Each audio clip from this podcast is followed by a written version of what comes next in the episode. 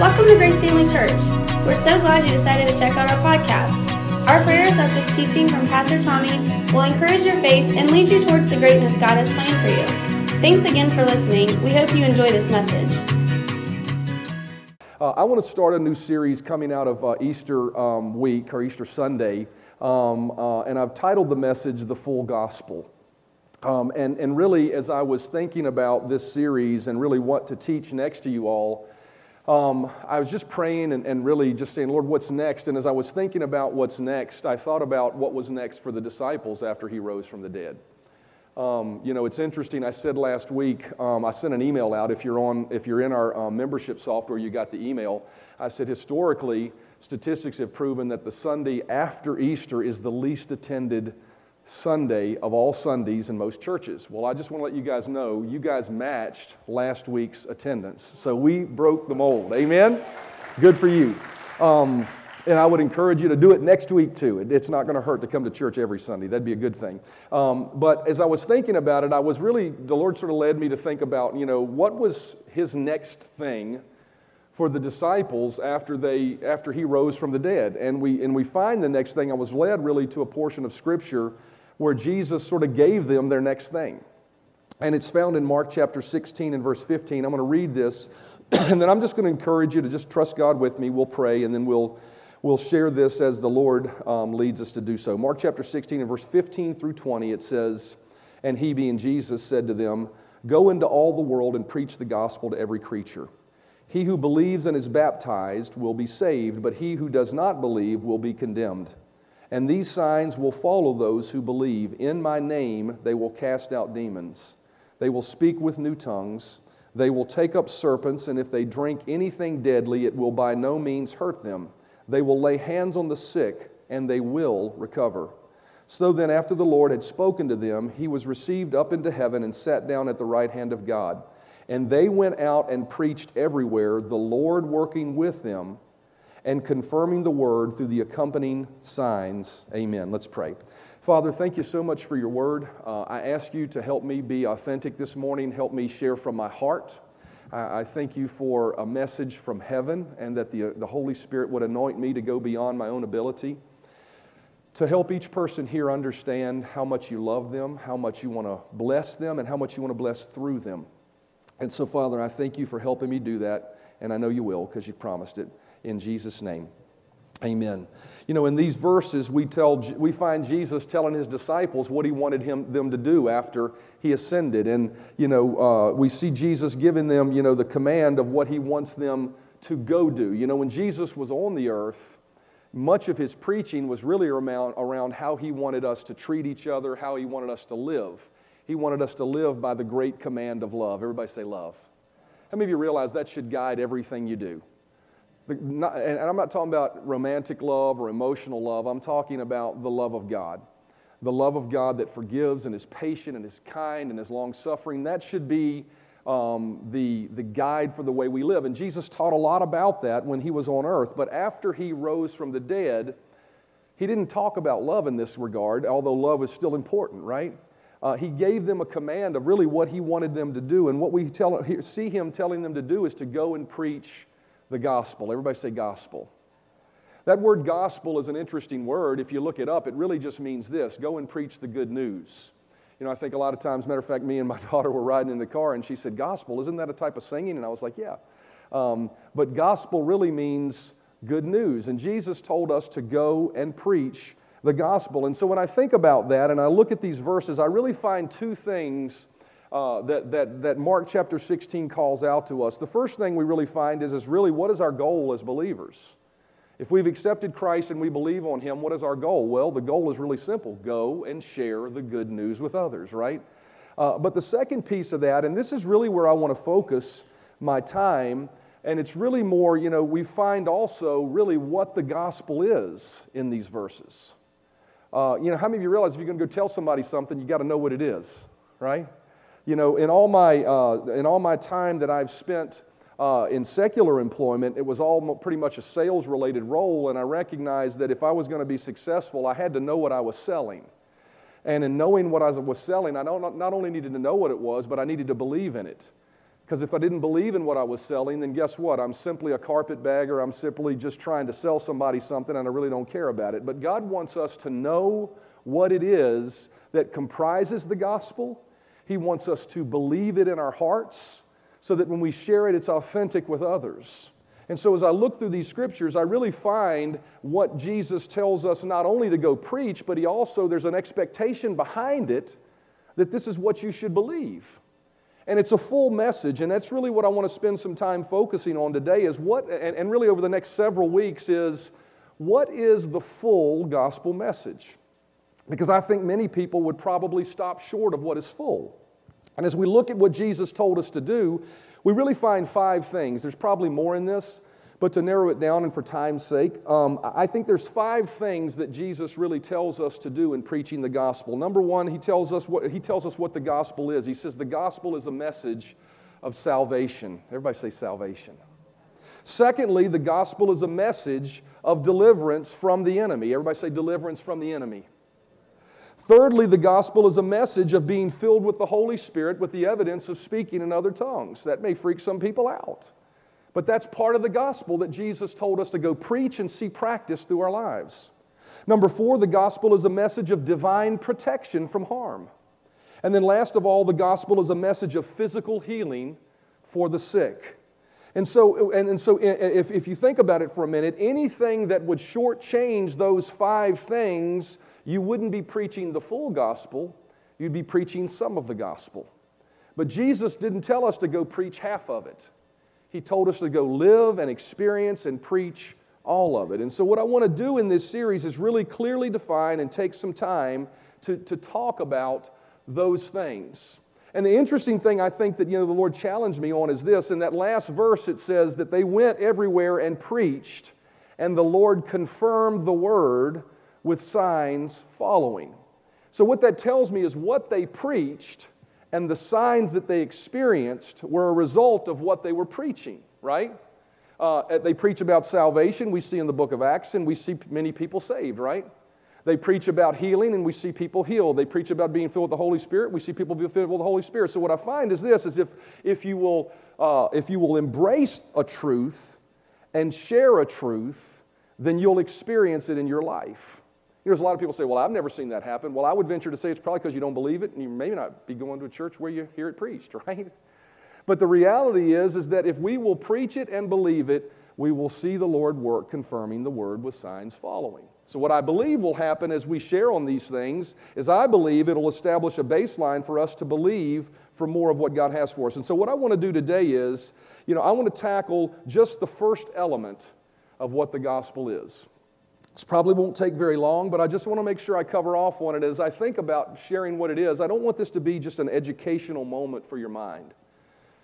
You know, as I was preparing this message, I'm going to go through several scriptures, probably more than I normally do. Uh, but I'm going to go through several scriptures and lay out for you what is you know, what does it mean to be saved? What is salvation? Um, and as we do, though, I want you to personalize that and think about it in terms of what did I receive when I accepted Christ, if I accepted Him. Uh, and if I haven't yet, then what can I receive? And so, Mark chapter 16 and verse 15, we see these words. Jesus said, verse 15 and 16 say, And he said to them, Go into all the world and preach the gospel to every creature. And here's, here's really uh, the essence of what the gospel will, will produce it says, He who believes and is baptized will be saved, and he who believes and he who does not believe will be condemned. And so we see the first element of the gospel message will produce salvation. So what that tells me is, is that the gospel message is full of the words of salvation. And he pointed out that the gospel was preached and believed people would be saved, but he also said if the people uh, didn't believe, they'd be condemned. And so I think about the meaning of that word gospel, and that word means good news. Everybody say good news. But, but the gospel of salvation really starts with something that is not good news. Think about it for a minute. If somebody tells you if you don't believe in Jesus, you're condemned, how many realize that ain't good news, right? So the gospel of salvation really begins with an understanding of something that is really not the greatest news. Matter of fact, it's the worst news you could ever experience. That if you haven't accepted Jesus Christ as your Lord and Savior, then you are condemned. What does that mean to be condemned? Condemned from what? Saved from what? Well, I'm going to talk about two of those things. Revelation chapter 20 and verse 11 and 12 and 15 say this It says, Then I saw a great white throne. This is speaking of the end of the age when, when all this, this life is over and we stand before God. And it says, I saw a great white throne and him who was seated on it. The earth and the heavens fled from the presence, and there was no place for them. And I saw the dead. Everybody say the dead. Let me qualify this for a minute, just for anybody, so that we don't go through the rest of this message if you're a believer and you're all of a sudden afraid. How many of you realize that when you accept Jesus Christ, you are no longer dead, but you are spiritually alive? So, what I want you to understand is this great white throne judgment that is talked about here is not a judgment of the believer. If you're saved, you won't even attend this actual judgment. There is a judgment seat of Christ that you will stand in front of. Totally different message for a totally different time. And that doesn't determine whether you go to heaven or hell, it determines the rewards you'll have when you're in heaven. But this great white throne judgment is a judgment of the dead, those who have not accepted Jesus Christ as their Lord and Savior. And it says, And I saw the dead, great and small, standing before the throne, and books were open. Verse 15 says, And anyone whose name was not found written in the book of life was thrown into the lake of fire. How many realize that is harsh? Amen? People would say, I don't know how a loving God could send someone to a place that's a lake of fire. I want you to know, first of all, that God doesn't send anyone to hell, their sins do, their choices do. God has made provision for every one of us to escape this judgment. And for those of us who accepted Jesus Christ, we've been promised that we were. But think about it for a minute. Jesus said, he, he said these words Go preach this message. If you believe, you're going to be saved, but if you don't, you're condemned. The gospel is not always a good news message in the beginning when you hear it because it challenges you. It challenges you to believe something. It challenges you to accept something. It challenges you to recognize something about yourself and to change. And what it really challenges you to do is to recognize something about yourself that you can't change. And recognize that you need something more than yourself to escape this judgment. Now, why is a person condemned that has not accepted the gospel? Why is an eternity in hell reserved for those who have not accepted the gospel? Well, let's just take a look at what the Bible says. Romans chapter 3 and verse 20 says, Therefore, no one will be declared righteous in God's sight by the works of the law, for all have sinned and fall short of the glory of God. How many of you can testify or testify that you have sinned before in your life? We all have sinned and fallen short, that verse says, of the glory of God. Our sin separates us from the glory of God, the majesty of God, the perfection of God, the holiness of God. God is eternally perfect. I think sometimes we minimize that. We, we humanize God instead of recognizing He is absolutely holy. He is absolutely perfect. He is absolutely pure. And the Bible says, because of His holiness and our sin, what does it do? It causes us to fall short of it. It separates us from our, from our God. A person stained by sin is not condemned by God, they're condemned by their own sin. It's the sin separates them. That's why God sent Jesus. A loving God doesn't send people to hell, a loving God saves people from hell. Their own choice to not accept a free and simple gift that we're going to talk about separates them from God's perfect righteousness. Verse 20, notice what it says there. It says, Therefore, no one will be declared righteous in, by, in God's sight by the works of the law. Ephesians says it this way it says, By grace we're saved, not of works See, what that tells me is no matter how good you try to be, you'll always be stained by the sin. If you haven't accepted Christ, you'll always be stained by the sins you've committed in your life. And so, what this verse says is we can't save ourselves from that stain. Once it's done, it's done. You're stained.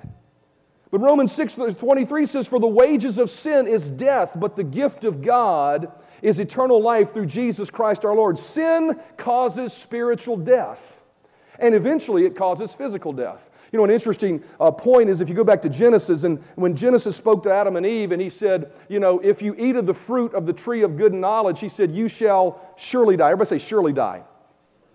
Actually, that word is, it actually, if you look at it in the Hebrews, it says, you shall not surely die, it says, you shall die, die.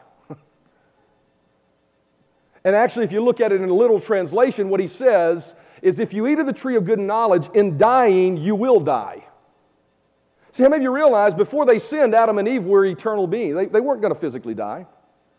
But what happened is they sinned and separated themselves from the life of God, and in spiritually dying and separating themselves from God, guess what? It brought about physical death eventually. And so, what we see here is that the wages of sin is death, it separates us from God.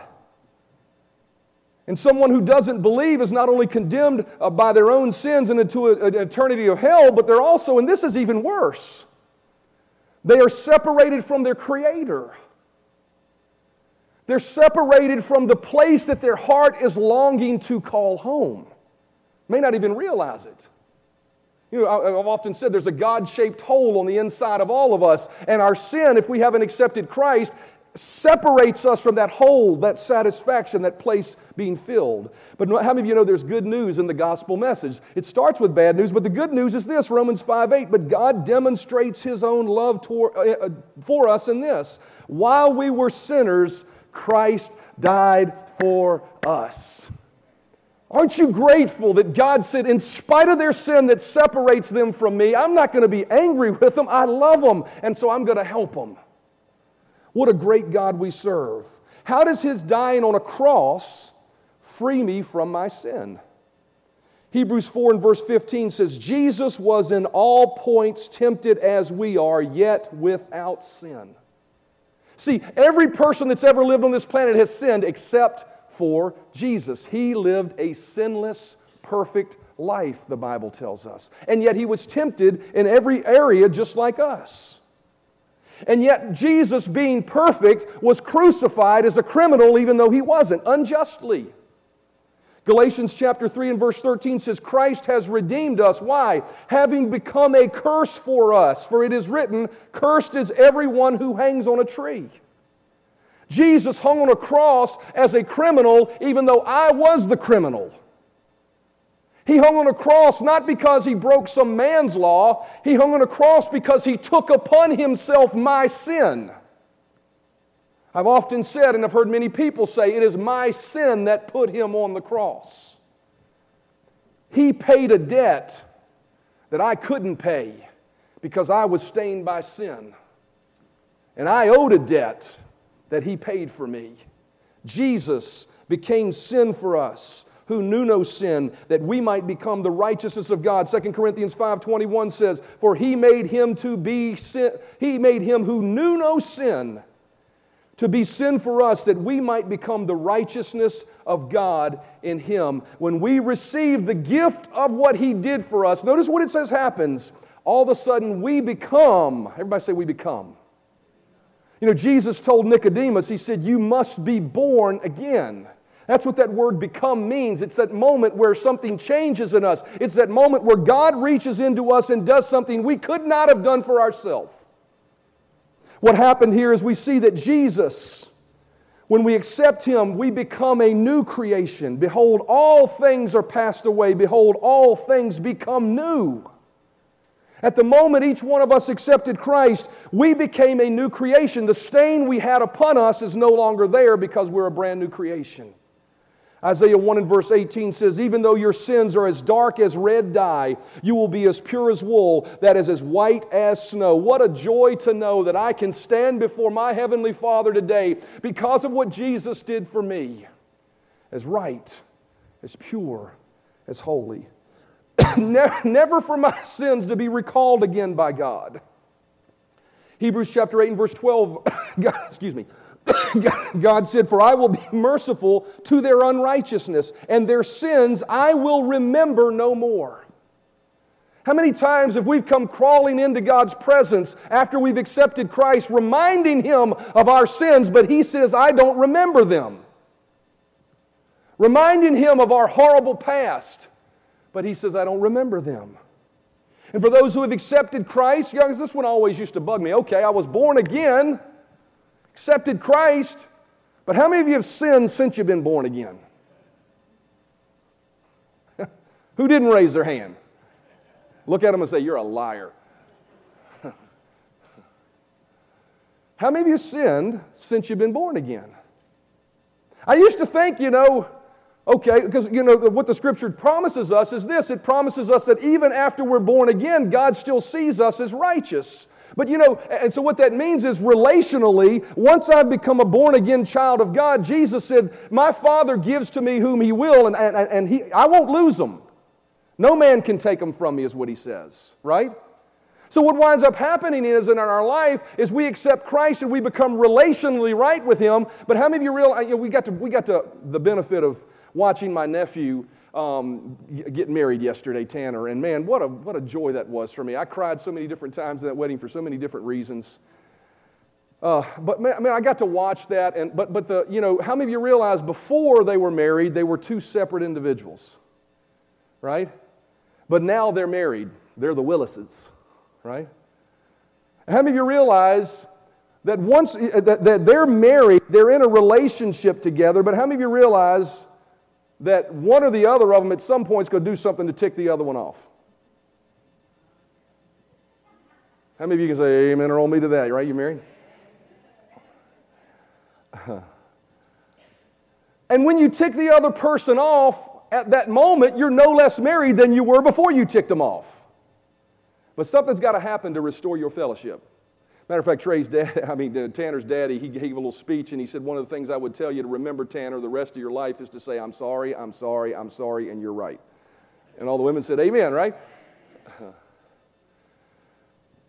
So we're in relationship with God when we accept Christ very similarly. But, but, and so when you sin as a believer, you don't fall away from Him, you don't become separated from Him, but you do have a fellowship problem. And for the believer, there's a promise of the forgiveness of your sins as well. 1 John chapter 1 and verse 9 says, if we confess our sins, He's faithful and just to forgive us our sins and cleanse us from all unrighteousness. See, when we come to Him and we ask Him to forgive us, He forgives us.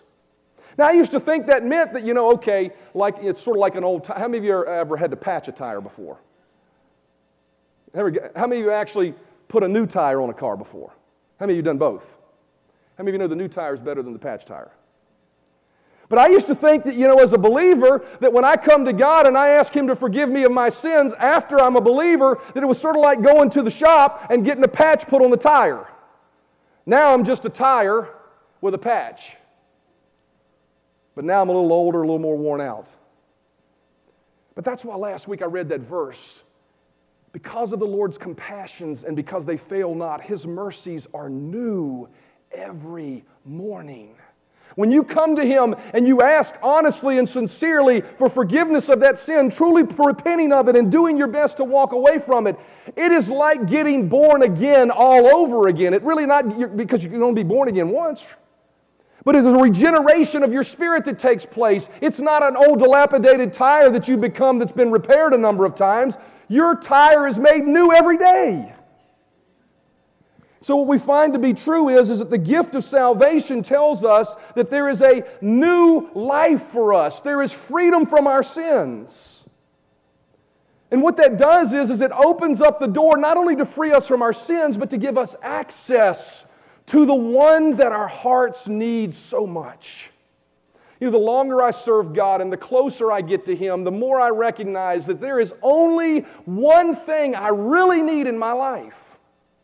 I'm grateful for all the things I have in my life, but without Him, I'm miserable. Without Him, there's always an element of dissatisfaction. And what this verse, tell, what this new birth gives us is a right to have access to our Heavenly Father.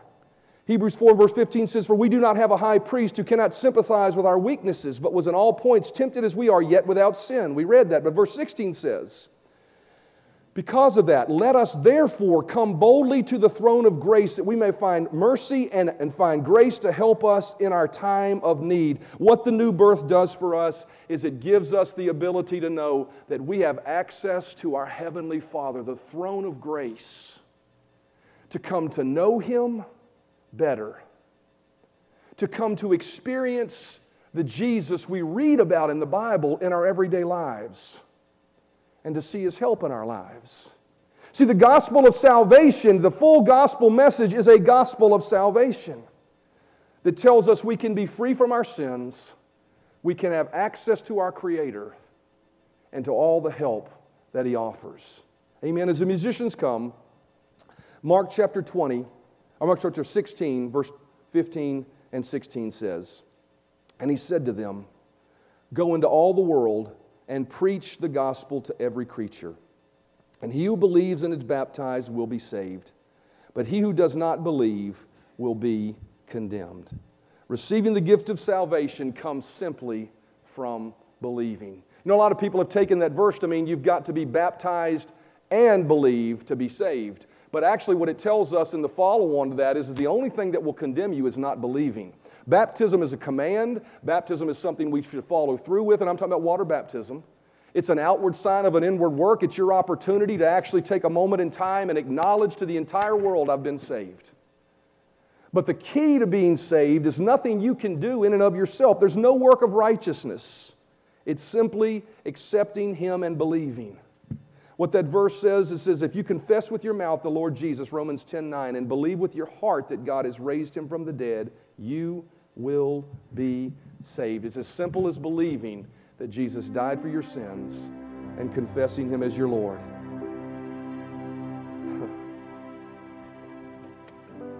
That means simply as that verse, that song we sang, it's simply that. It's just coming to Him just as you are and accepting Him. You say, well, I think everybody in here is born again. Then here's what I want to do. Mark chapter 16, verse 15 says, And he said to them, Go into the world and preach the gospel to every creature. Everybody say, every creature.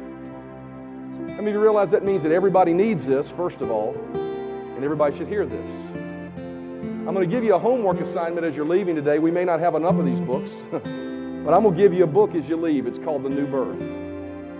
I'm going to ask you to read that book, first of all, for yourself. Learn it, know it, get it down in you. But then I'm going to ask you to take that book and give it to someone that you think might need it. So that might be a little bold, because I can tell you, as soon as I said that, somebody, you thought of somebody. Or you will think of somebody. And I'll tell you, one of the first challenges you'll have is the boldness to give it to them because you may think, they may think you think something about them that you don't want you to think about them. But just let them know. I was thinking about you the other day. I read this book for myself. It was awesome. I want you to hear it. Amen. So I'm going to give you a homework assignment. But what I want to do right now is simply this I want to take a moment and give a call for salvation for anyone that is here that may not have accepted Christ or anyone that would listen and have not accepted Christ. But after we do that, I want to take a few more moments before we leave. And I want you to remember the day you accepted salvation. I'm so grateful for that day. 36 years ago. And it still impacts my life today. Now I gave my life to Christ when I was five, but at 30, but it's but at 18 years old, and I was truly born again, but at 18 years old, I committed my life to Him. It changed my life. Everything good I have in my life today is because of that choice. I had to walk away from friends. I had to walk away from parties. I had to walk away from things that were things I liked. Not because I had to do that, but I just knew for me to follow the only one that could satisfy me, I couldn't have the distractions. Amen? So I want to take a moment for us to stand and come just as we are thanking Him for that moment we gave our life to Him and recommitting ourselves to that. But let's pray before we get started. Father, thank you so much. Thank you for the gospel of salvation. Thank you that it causes our sins to be forgiven and it makes us right with you. It gives us access to our Creator. It gives us access to the bread of life,